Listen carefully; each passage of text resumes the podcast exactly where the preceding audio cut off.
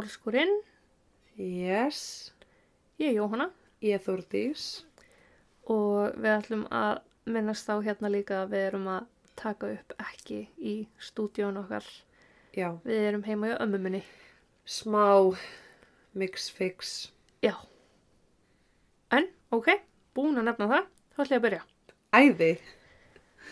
Sasha Samsudin fættist þann 4.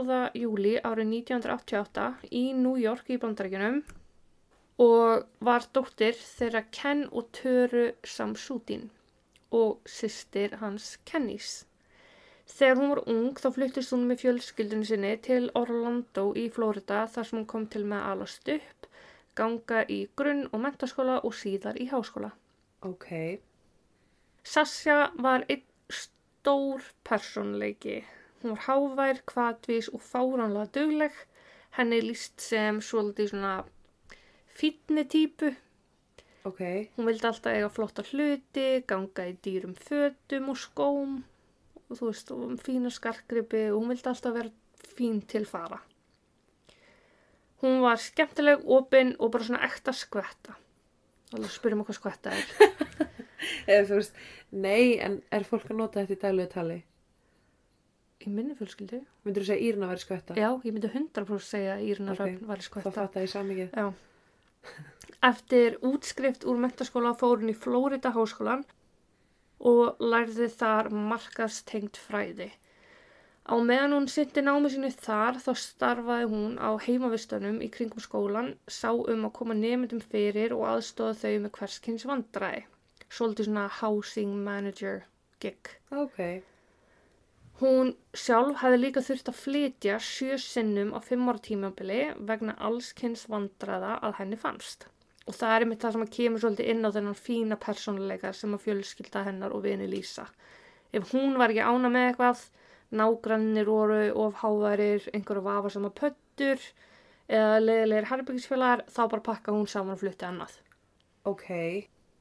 Hún var bara virkilega staðföst og ákveðin ung kona og leta ekkert valta yfir sinni eitt. Nei, ég líst bara vel að það. Já. Að aðstofa nefnendur að koma sér fyrir í húsnæðum heimavistarinnar vakti þó áhuga hennar á fastegnusölu og svona leigumiðlunar Já. giggum. Eftir útskrift úr Flórida háskólanum ákvað hún að sækja um starf sem samfélagsmiðla fulltrúi Sun State Apartments leigumiðlunarinnar. Mi- Miðlunarinnar. Jep.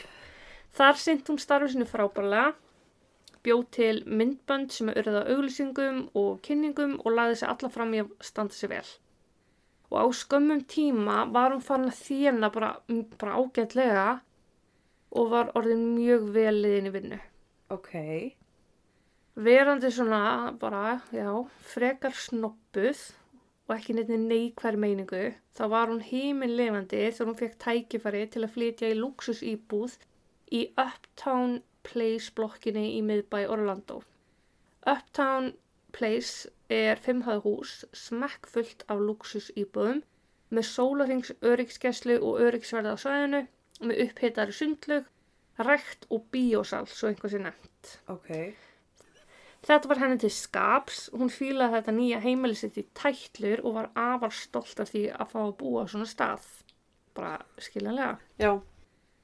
Árið 2015 er Sasha svo orðin 27 ára gömul, blómstrar í vinnunni, lífið gæti bara ekki verið betra eða skemmtilegra fannst henni.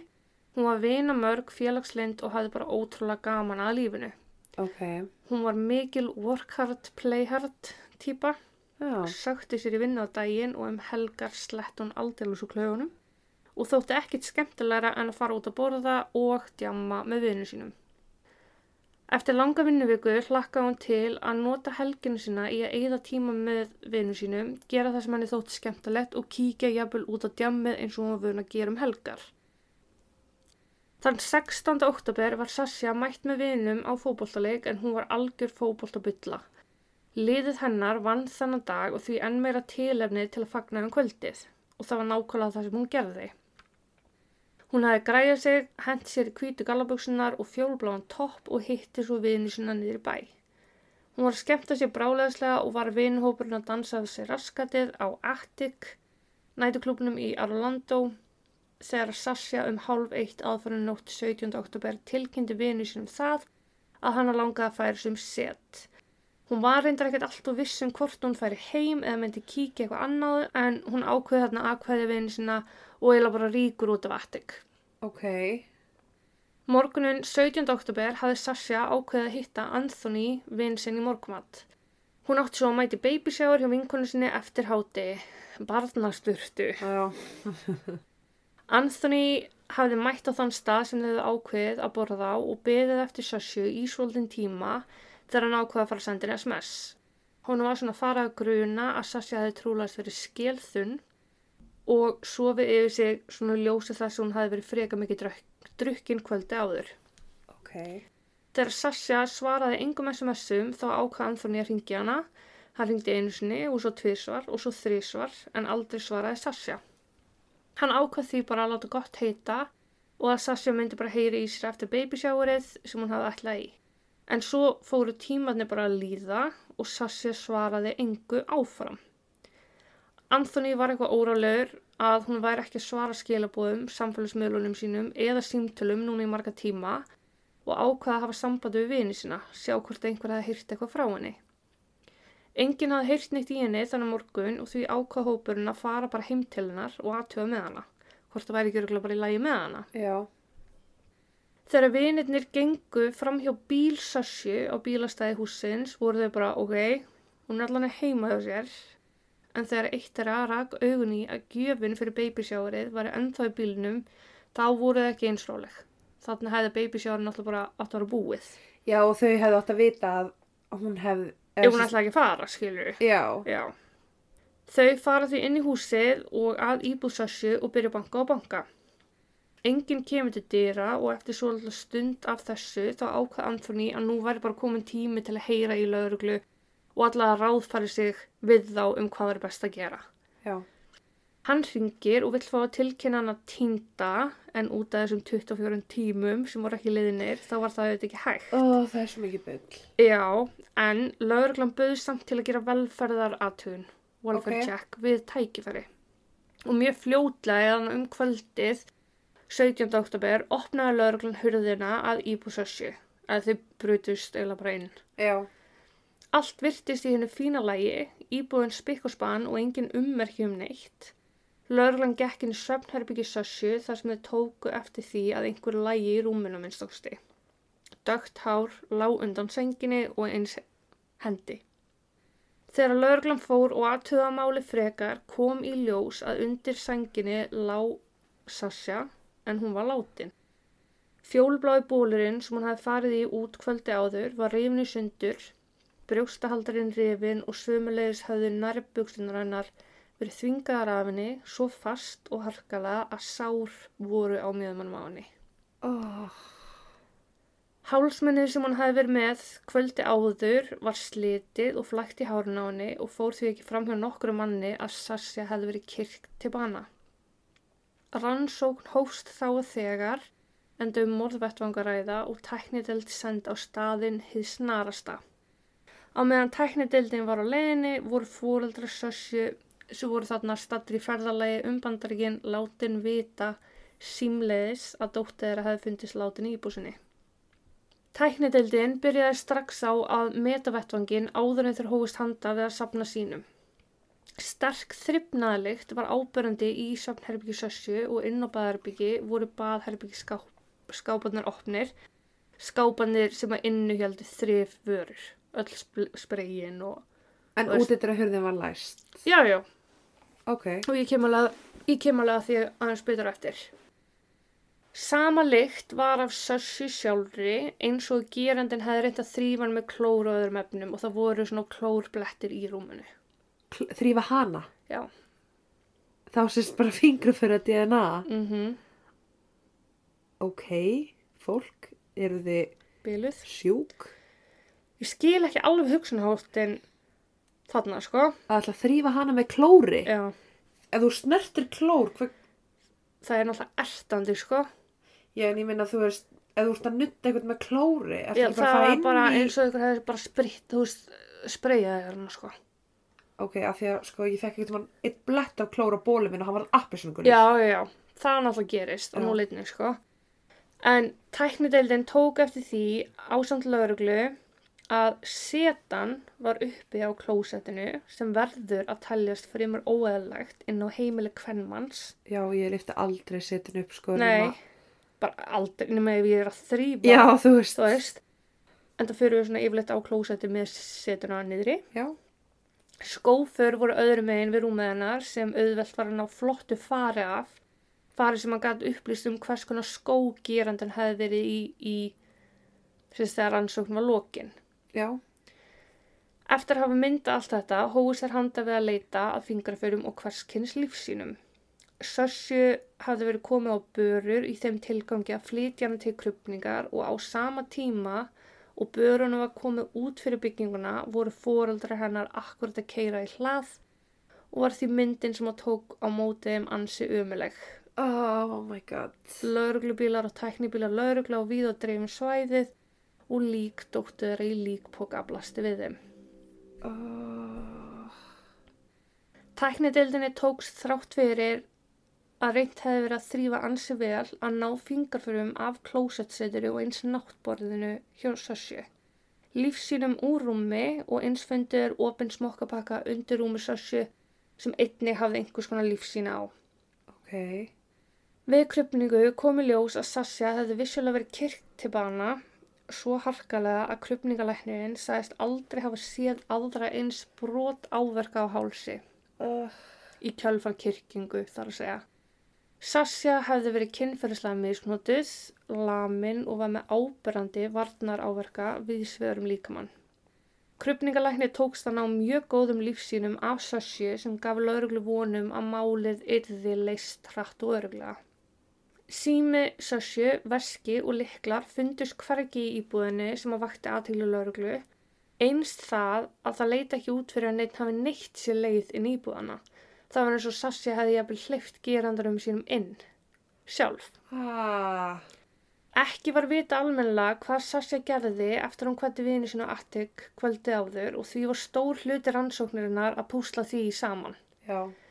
Eftirlitsmyndavilar húsins áttu auðvitað, auðvitað eftir að segja sínu sög líka en ég kem að því eftir smá stund. Lauruglan byrjaði á því að skoða eftirlitsmyndavilar á götum Orlando, þeirrar götu sem að Sassi hefði gengið en Attic var sérst bara í 20-30 mínúna göngufæri frá heimilinannar og það í beinni línu. Ok. Sérst íbúð Sassi og Attic skemmtistarinn voru nánast í sömu mjög löngu götu. Já, ok. Þar sem að Sasja hefði valið sér hvítar buksur þetta kvöld var mjög auðvelt fyrir laurugla að finna hana á gangi á upptökunum. Það er auðvitað myrkur á nætunar og því höfðu þeir verið smekir um að geta ekki fylgst nógu vel með hvert hún var að labba. Já, og En- margar hverja myndalar eru svartkvítar. Já, og það, það, þessar voru akkurat það, sko. Já. Og hún var alltaf í hvítum buksum þannig að maður sá alltaf Já. að þetta væri hún. En Sasja sést klukkan 2.06 ganga og eiginlega bara hálf skokka, ein frá Attic og einhvað áleiðis. Þetta stemmir ekki alveg við þá hún hefði farið klukkan hálf eitt, sko. Hún hefði þá verið eitthvað að bardúsa þarna í Já. Einhvern tíma. tíma. Já. Já. Hún er alveg bersýnlega frekadrukkin að það skiptir engu anskotasmáli samt. Það síðasta sem að sést svo af Sassu á þessum eftirlitsmyndavölum er þegar tvær konur ganga allt í hennu með henni og þær fara allar þr- þrjár saman inn í Uber sem að keira svo í burtu. Þannig að myndaðalna er rauninni virka þannig að þú ert með ramma, þú dettur út úr rammanum og svo kemur inn í næsta Já. að er þú inn á göttunni. Já. Þannig að innan þess að tveggja ramma þá hittur hún þessar tvær konur. Ok. Þessum konum var líst eftir í fjölmiðlum til að fá sögun á hreint og þær voru mjög fljótar að koma fram. Þá hefðu þær bara verið tvær vinkunundnar sjálfar á djamminu og tekið eftir þessari ungu konu sem var bersýnilega drukkin og vildi aðstöðana. Þær kunni alls ekki við að hún var ein og ferli í því ástandi sem hún var í og vildi vera vissur um það að hún kæmist heim. Þar buðist því til að borga úberinn hennar því að Sasja var ekki með síman á sér, ekki liklanisina eða veskið og hjælt hún hefði glemt í öllu á skemmtistanum. Ok. Konurnar settu þetta bara nákvæmlega ekki neitt fyrir sér og komu Sössju bara á leiðaranda í örugt skjól heimaða sér. Heimaða Sössju. Já. Þegar þær fylgdu Sössju upp á dyrum neitaði öryggsverðurinn Sössju ingang vegna þess að hún var fyrir það fyrsta ekki með likla og þegar hann bað hana um einhvers konar skilriki þá gæti hann ekki sínt fram á að hún væri raunverulega hún sjálf þar sem hann hefði glimt alltaf á skemmtistanum. Ok. Öryggisverðurinn er bara með ykkur ferla sem hann verður að fara eftir og gæti lítið gert en að lokum kom nágrannu Sössju heim sem hann gæti votta að hún væri vissla hún og hleyfti henni sjálfurinn bara sína einn ábyrð. Ok. Konurna tvær sem hafði fyllt henni heim fóru því bara enda nokkuð örugar um að Sasja væri örug. Þetta gætt öryggisverðurinn líka staðfæst og sagði frá þessu nákvæmlega eins og þær höfðu gert. Nema það að þegar öryggisverðurinn vörðurinn hafi verið að taka sína venjulegu eftirlitsferð í kringum húsið um klukkan þrjú kom hann að Sassi að ströggla við að koma sinni íbúinu sína enda likla laus. En á hurðinu hennar var þó svona digital lás, svona lás með númerakóð, þess að þú stimplar um kóða Ok. og þá átti að geta komist inn án allar vandræða. Nema það og hún myndi ekki kóðan og var búin að stimpla inn einhverja tölur þarna sí endur tekið án þess að takast. Öryggisverðurinn gat enn og aftur ekkert aðstofana, hún var ekki með skilíki á sér til að votta fyrir það og hún væri Sasja. Hún bað því öryggisverðin hvort hann væri til í að fylgja sér niður á bílastæði því hún vildi aðtjóða hvort hún gæti jafnvel fundi varaliklanu sína út í bíl. Öryggisverðurinn var bara já, ekkert mál og þau hafið þá gengið að stað en eftir skamma stund hafið Sasha stoppað og svona kallað upp fyrir sig, ég man kóðan. Þú veist, þá myndi hann alltaf hérna kóðan og hljópa aftur að íbúinu sinni og hann eldana. Ok. Hún hjælt áfram að ströggla við að komast inn því hún hafði ekki alveg mun á kóðan eins og hún hjælt. Og öryggisvörðurinn segi við hana bara, ok, herru, ég þarf hérna að stökka í næstu eftirlitsverð og ég kem svo aðstöðu eftir ef að þú ert ennþá að brasa í þessu. Ok. Og svo bara fór hann. Og þegar hann hafi svo komið aftur var Sössju hvergi að finna og hún hefur trúlega slóksins munað kóðan sinn, komist inn í herbyggi og þessi öryggisvarður kláraði svo bara vaktinu sína þannig klokkur 6 um morgunin. Og til að reyna að skilja þessi atbyrðarás frekar sækis lauruglan eftir öryggismyndavila efninu í húsinu og fljótlega fá þeir það efni og það allt staðfesti frásögn kvennana og eins öryggisvarðarins. Ok. Lauruglan var því bara, ok, við skulum þá skoða kærasta, fyrirvænt kærasta, stráka sem hún var að tala við og annað í ljósi þess að dánarorsökin er kyrking og það er oft tengt við ástriðuglæpi. Já. En allavega ákvæði þarna að skoða gögn Sassi og þar kemur ljós að Sassi sendi skilaboð á einhvern strák sem heit Ben. Honum sendur hún skilaboð klukkan 5.12, 12 mínútur yfir 5 Ok. um nóttina og í þeim stendur bara Ben. Og þetta er svolítið rögglandi að því hún var ekki með síma þannig að maður spyr sig hvernig hún gæti sendt skilaboð en ég gerir bara fastla ráð fyrir hún við nota tölvu og þetta getur verið skilaboð á samfélagsmiðlum. Ok, já. Það getur ekkert annað verið. Nei. Ekki ef að hún sendi þetta sjálf, sko. Hún sendi þetta sjálf, sko. Já, nei, þá getur ekkert. En, en þau Sassi og Ben höfðu deytað stuttlega einhver áður og höfðu ákveðið að reyna að hittast þessa helgi en það hafi ekki orðið neitt úr því. Ben var tekinn til yfirhyslu og hann sagði frá því að hann hafi verið heima hjá vinum allt kvöldið og fram á nótt og hafi aldrei farið þaðan og það var hægt að staðfesta en það sem meira er Ben gaf leifi á því að lífsinni er þeir fengi hjá honum það þurfti ekki heimild fyrir því að hann var bara hvernig get ég hjálpað þú Ok. veist, til að bera saman við það sem fannst á Sössju og þar var enga samsvörun að finna og Ben því laus allar mála. Eins ákvað lauruglan að skoða mann að nafni Taylor. Taylor var barþjóðn og hafði eins og Ben stuttlega deyta Sössju. Þau hafði séð fljótlega að þau varu miklu betur sett sem vinir og því haldi sambandi frá því þau slitu sambandinu. Ok. Þannig að þau voru bara, ok, þetta virkar ekki, við skulum bara vera vinir Já. og bara voru virkilega vinir. Lauruglan sótti hann líka til yfirheyslu og eins og með Ben þá var Taylor með fjárhástasönnun og vildi gefa lífsinni og það stemdi ekki við lífsinni sem hafi fundist á Sassu. Ok, þannig að hann var brótilokaður. Já, Líkt og Ben. já, bara alveg. Og það voru ykkur fleiri, það var rætt við fleiri strákar sem hún hafi verið ykkur samskipti við og Já. þeir voru allir útilokaðar bara jafnóðum. En voru ykkur eftirlýsmyndaðalar sem að leittu sagt að herbyggin hennar? Ekki beint, sko. En einhver eftirlýsmyndaðalar sem gæti séð eitthvað fólk á kreik? Ekkert sem var nógu grunnsalegt en það var útiloka allt sem þau þurfti útiloka, sko. Ok. Og þannig eru bara fjóri-fimm dagar síðan að Sasha fann slátin en lögreglun er bara, við erum múin að fara í gegnum allt myndafnið, búin að ræða við alla þá sem okkur dættir huga getur leiðið undir grunn. Við erum samt ekki að koma sér neitt áfram. Fjölmiðlar voru þarna farnar skipta sér verulega að gangmála eins og þekkt er og voru þeir reglulega að koma fram og segja að rannsókn miðaði vel, þessi lögreglun. Ok. Þeir höfðu ákveðið að halda öllum spilum mjög nærri sér og höfðu því ekki gefið upp hvernig vettvangur hefði verið, hver dánarásök Sasha hefði verið og ég raun talaði eins mikið og þeir gátu umgangmála án þess að upplýsa neitt umgangmála. Já, og byggði þá vonandi eftir því einhver myndi. Kjáft af sér. Já. Pressan var orðin mikil frá fjölskyldu Sasha og vinum ásamt fjölmjölum en máli var samt bara verða kallt þó að vera svona stutt liðið. Já. og leit allt út fyrir það að það myndi bara enda óleist. Þannig að lögreglun ákveður að byrja bara byrjunarreit aftur, sjá hvort þeir hafi mist af ykkur. Og þeir fara yfir allt myndavélefni aftur, fram og tilbaka, aftur og baka áfram og talið var nokkuð örugt að Sassi hafi látist þannig einhvern tíman undir morgun 17. oktober en hvenar nákvæmlega var ekki alveg vitað. Ok. Það var bara vitað að hún sendi þessi skilabók kl. 5.12, 12 myndir yfir 5 og hún var þá allan á lífi fram á því. Ok. Og þessi skilabóð Ben, það var ekkert ómennilegt fyrir hann að senda, þú veist, ef ég er full þá get ég senda því Þórtís, þú veist, og svo Það ætla ég að er svo margar með þýðingar. nákvæmlega. Þegar þeir eru að fara yfir myndafélagefnið ákveða þeir að horfa eins lengra en þeir höfðu gert áður.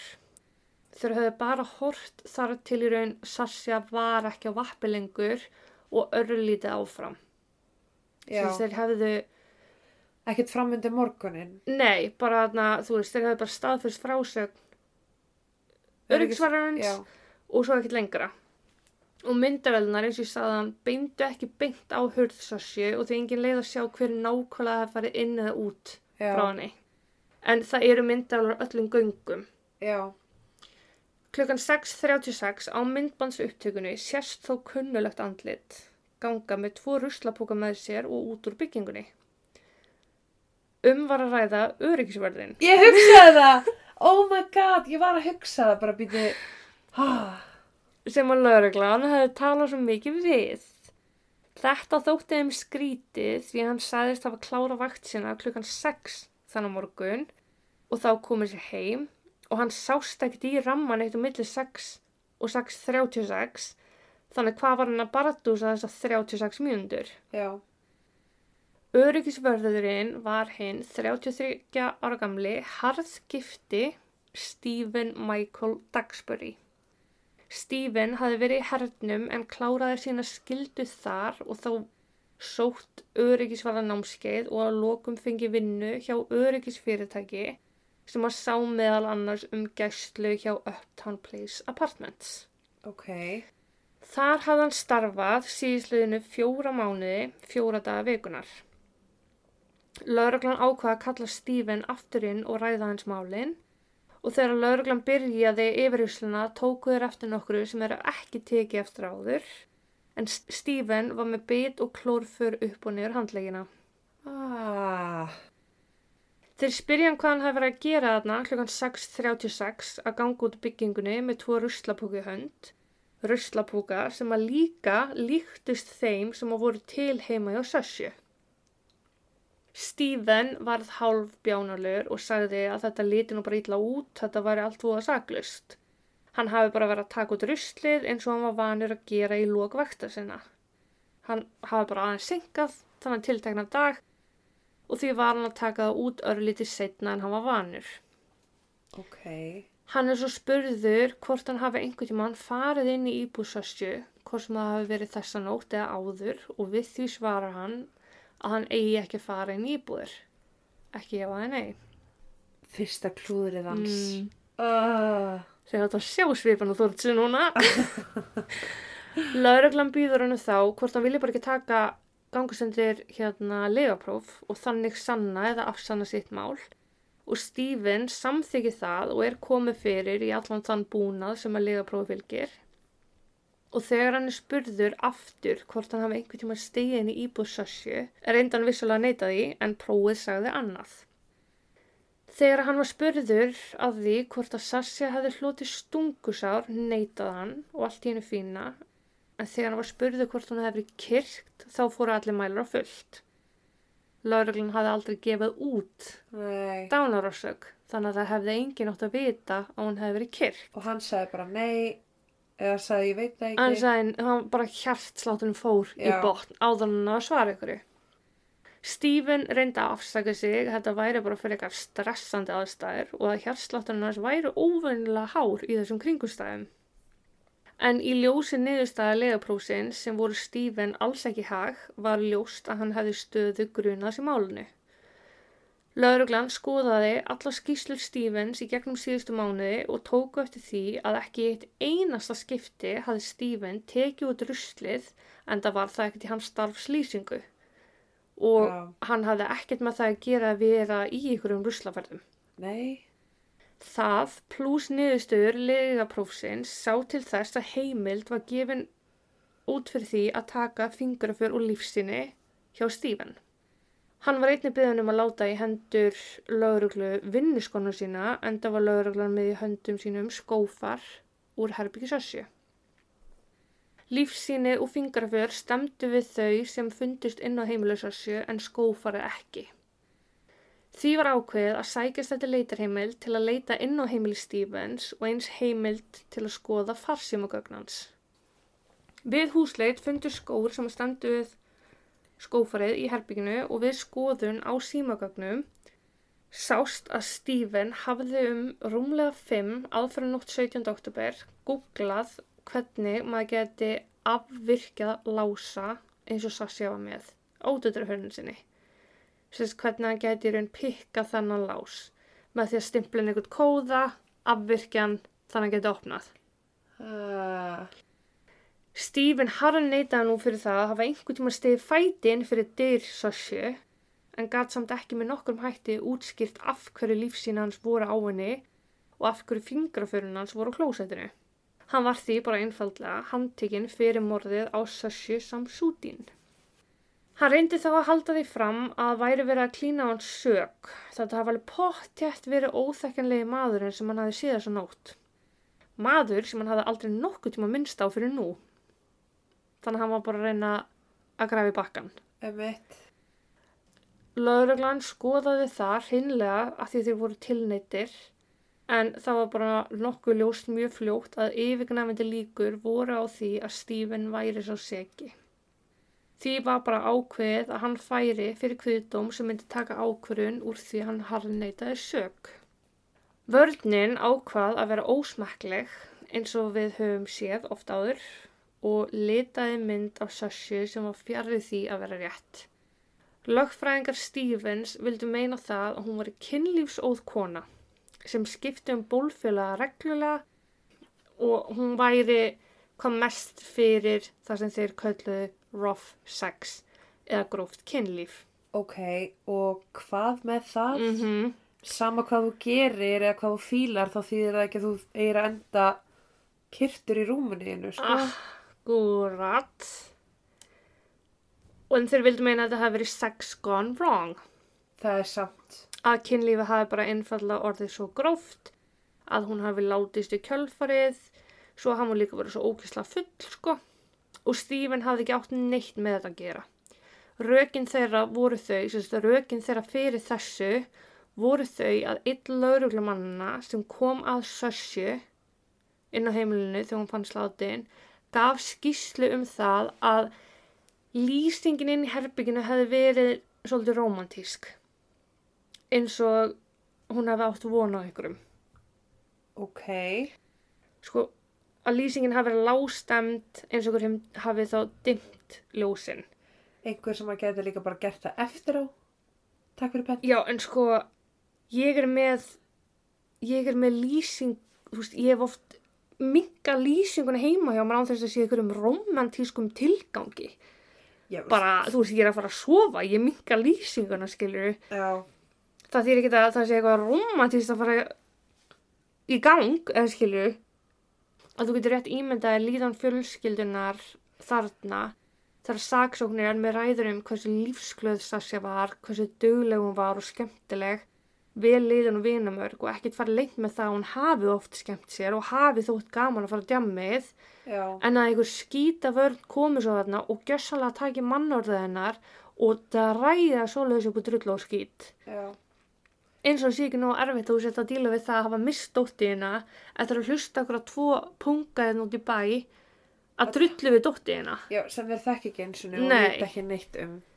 Nei, ég, Röðumulegt. þetta er bara, ég held að þetta sé eitt af mest brútal störfum í heimi. Að það er að vinna sem, lögfræðingur, að vera verjandi sakborninga í sakamáli. Já, Ég held að sé bara, ég held að enginn vilja gera það en það bara maður gera það. já, ég held, þú veist, ég held að ástæðan fyrir fólk gera er að það er meiri peningur og það er meiri líkur að fá greist strax úr ríkisjóð frekar en Já, að þú fáir kröfu á hendur eitthvað fólk sem að kannski mögulega borgar ekki en ég held að það sé eina ástæðan fyrir fólk gera þetta það eru bara peningarnir já, alveg potið sko. Eins vildi vörninn meina það að lauruglan hafi í ljósi þess hversu oft Sasha skipt um bólfélaga, ég segi þetta með eins mikilvæg kaltæn og ég get, já ég bara, ég er ælu um mig Já, ekki unnið nógu góð vinnu að skoða alla þessa bólfélagi, bólfélaga. Ó, þeir voru svo margir Já, er bara að það ekki undan, sko, allir fyrirhandi kærastanir, sko. Og saksóknari var ekki lengi að jarða vörnuna með gögnum um það að það væri bara ekkert rétt. Búið var að ræða við marga sem hún hefði verið í samskipti við og svo fá DNA hjá þessum tveim sem ég nefndi áðan, Ben og Taylor. já, Þá fekk vörnin bara vinkonu Sassu í vittnastúkuna og bombördiða hana með spurningum um kynlíf Sassu. Hvort hún væri ekki fyrir gróft kynlíf, hvort hún væri ekki búin að sofa hjá mörgum og almennt heldur bara áfram að reyna að mála upp eins neikvað mynd og þeir gátu. En sko fjandinn hafa það bólfélagar segja nákvæmlega ekki neitt til um hvers konar manneskja maður er nei, og gefur svo sannlega ekkert réttlæti til að drepa. nei að því að líka bara mér finnst uh, bara kynli fólks ekki koma eða mér finnst það ekki vera koma sammingin ekki við Nei, bara ekki neitt. þú veist, samáttan hafi sofið hjá sko tveimur eða þúsund Þetta kvöld, sko. eða þetta kvöld þetta kvöld Ángríns, það hefði ekki skipt En en máli, hef-. Nei, þú veist, það hefði ekki skipt henni máli Lörglinni ber samt sem áður að kanna hvernig aðila ef þeir telja að sé einhver Mm -hmm. þótt þeir væri þúsund þá Já. bara guðunum bænum þá farið þið bara á ráðum mannskap en mér finnst bara svo fárlegt að vera tengið þetta við það það er eins og því fleiri því meira áttur þetta skilið og hann að kenna er nefnilega, já, það er akkur það sem þeir verðast að vera að gera. Bara, ok, þú veist, hún var bara að taka áhættu með því að vera svona gjötna að skipta um bólfélaga. Já, þá er bara gott að losna við enn einu hóruna Já, þú veist, þetta er ógæðslegt viðhorf, sko. Já, Og kviðdómurinn var okkur sammála í þessum málum og á lokum var meiri háttafíblið hans Stephen dæmdur segur fyrir morðið á Sassu. ok Talið er að Stephen hafi haldið að Sasha væri að reyna við sig og því gefið sér það bersa leifi að til hennar trúlegast á meðan hún var svoandi. Eða, veist, ég feg bara klíu sko. Já, það er ekki allir að reyna við þó einhver horfa á því sko. nei, það þýðir líka ekki að þú eru brjótast inn ef þú fær ekki bóðið, ekki mæta einmitt. Það er líka bara, já. Já, Sasha hafi jafnvel vaknað við að Stephen hafi verið inn í á henni og upp hafi komið átökum millera. Og Sasha reynt þá sitt allra besta að berjast eins og ljón gegn Stephen sem að endaði svo að fötin voru rifin af henni. Hún kynfyrslega misnótuð og síðar kyrkt til bana. Og það er náttúrulega, hann segir ekki orð, þannig að þetta er bara það sem að fólk gerir, já, gerir ráð fyrir að hafa komið fyrir. En fyrir þetta fekk Stephen tvo lífstegadóma ok. Annars vegar fyrir nauðgunna og hins vegar fyrir manndráp auka 15 árum var svo bætt við á dómin fyrir það að hafa brotist inn til Sassu ok og hann dúsi nú í fangilsi og verður þar bara út allt sitt líf sem er bara gott og blessað. finnst svo áhugavert í réttakjörunni í bandaríkjunum að þeir dæma fyrir hvert og eitt brot í staðan fyrir að hafa sérst bara brotar samstep og þú dæma fyrir broti sem er líklegast til að skila Já. næstu fangilsisvistinni þú eins og Íslandi, ert með mandráp og fíknefni þá er væntilega bara dæmt fyrir mandrápu því að fíknefnin eru þannig sem Það ekki bara að bæta neitt nei. upp skiptir ekki máli en úti er bara þú dæmdi fyrir þetta og þetta og þetta og Já, og tvo, koma svona fram með lík og fjóra, þetta og já. þetta já, veist það ótrúlegt Og sko, fleiri en eitt lífstíðadóm sem er bara Ég, svona... þú veist, hversu lengi er maður að fara að lifa? Nákvæmlega. heldur þú að sé að fara allt í hún að gerast og gæðin verður bara laus og... Það er með það sem er pínuskrítið, en samt þetta bara, þetta þú veist samt sýnir sem þungan í dómnum Já, sem slíkum. já, En fjölskylda Sössju kærðu bæði Uptown Place og fyrirtækið sem Stephen vann hjá, en það komi ljós að fleiri konur hafði sendt inn formlegar kvartanir vegna Stephens sem hafði sínt af sér ósæmilega hegðun í formi þess að vera ágengur, óviðeigandi og hreinlega áreitt konur húsins. En aldrei voru neinar af þessum kvörtunum teknar til skoðunar. ok, Fjölskyldan kærði líka Spectrum Brands þá sem að hanna á framlega lásin sem ég rætti á þann á Hurðsössju en árið 2013, sem sagt tveimur árum áður, var ljóst að lásarnir voru ekki eins öryggir og haldi var í fyrstu og það væri fyrir eitthvað auðvelt afvirkja á þannig að maður kæmist inn um dittnar. Og þetta voru nákvæmlega þær upplýsingar sem að Stephen komst yfir þegar hann googlaði hvernig ætti að afvirkja svona lása. já, Sú kæra fór ekki eins langt og maður hefði viljað en fyrirtækið vildi meina það að lásaðinu var bara víst öryggir og lögðu fram gögn því til stöðnings. En samt ákveðu þeir að breyta allri hönnun lás, lási, lásana já, alveg þessi óviðkomandi heldur þið fram.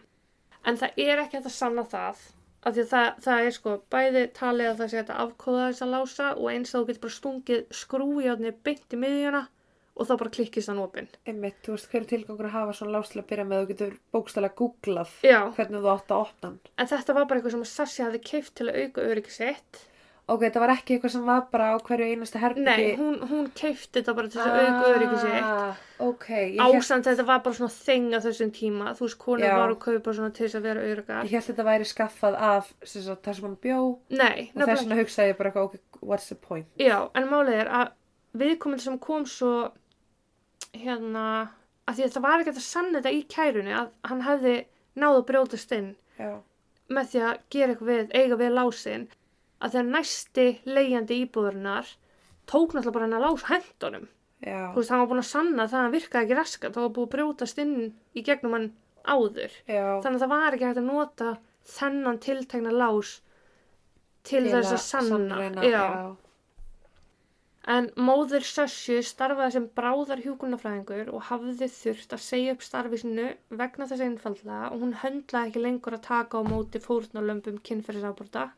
Æi, Það var stöðug minning þess hvað dóttarinnar hafði þurft að ganga í gegnum rétt fyrir andlátt sitt. Kenny, bróðurinnar Sössju, tók döðsfalli sýstu sinnar mjög næri sér, aðlilega, og sökk mjög djúpt í þunglindi í kjölfarið. Hann ákvað að heiðra minningu sýstu sinnar eins og hann gat og tók sér þá áskorun að ganga sorgina frá sér. Hann hefur því gengið stanslaust frá árinu 2015 því bara, þú veist, bara erfiðustu göngulegir heimsins. Ok, ok, ok, ég veist, ég held að vera að meina að það er bara enn að ganga. Nei, nei, nei, þú veist, hann er bara að ferðast um heiminn Já, já, já, ok, já, og er bara að ganga taka- einhverju brútal Já, göngulegir. ok, já, já, Hann er bara að lappa þig. þetta er bara, what, hver er það komin? En hann er alltaf með raukt binda á sér með mynd af sýstu sinni saumað í. Sasha hafði alltaf sagt að það var alltaf tilefni til að vera fýtt til fara, sama hvað maður væri að gera og þau vildi hann að sjálfsögðu vera með bindi. Þó hann væri uppstrílaður í göngubúnaði sinn, þá væri hann samt fýtt með bindi sitt. Og hann er bara ennþá núna, sex ánum síðar að ganga af sér sorgina, eða ganga sorgina frá sér, eða Já. hvernig maður vil orða þetta. Ganga allir heiður, sýstu sinnar og heldur um það dagbók á Facebookinu sínu. æi, Og þannig var það. uh, Já, þetta er umlegt. En samt, enda þetta á ágætum nótum. Hey. Til þess að friða saminskuna mína. en já, minna á Instagram, minna á Patreon, tækið þátt í umræðum, og Facebook. Facebook umræðubinn. Meira Og- var það held ég bara ekki. Nei, Þannig, hvað ertu bara að segja eitthvað? Uh, bara endilega takið þátt í kostingunni inn á Patreon Já, þegar hún kemur inn. Þannig að, já, Þannig ég þakka bara fyrir mig í dag og takk og bless. takk og bless.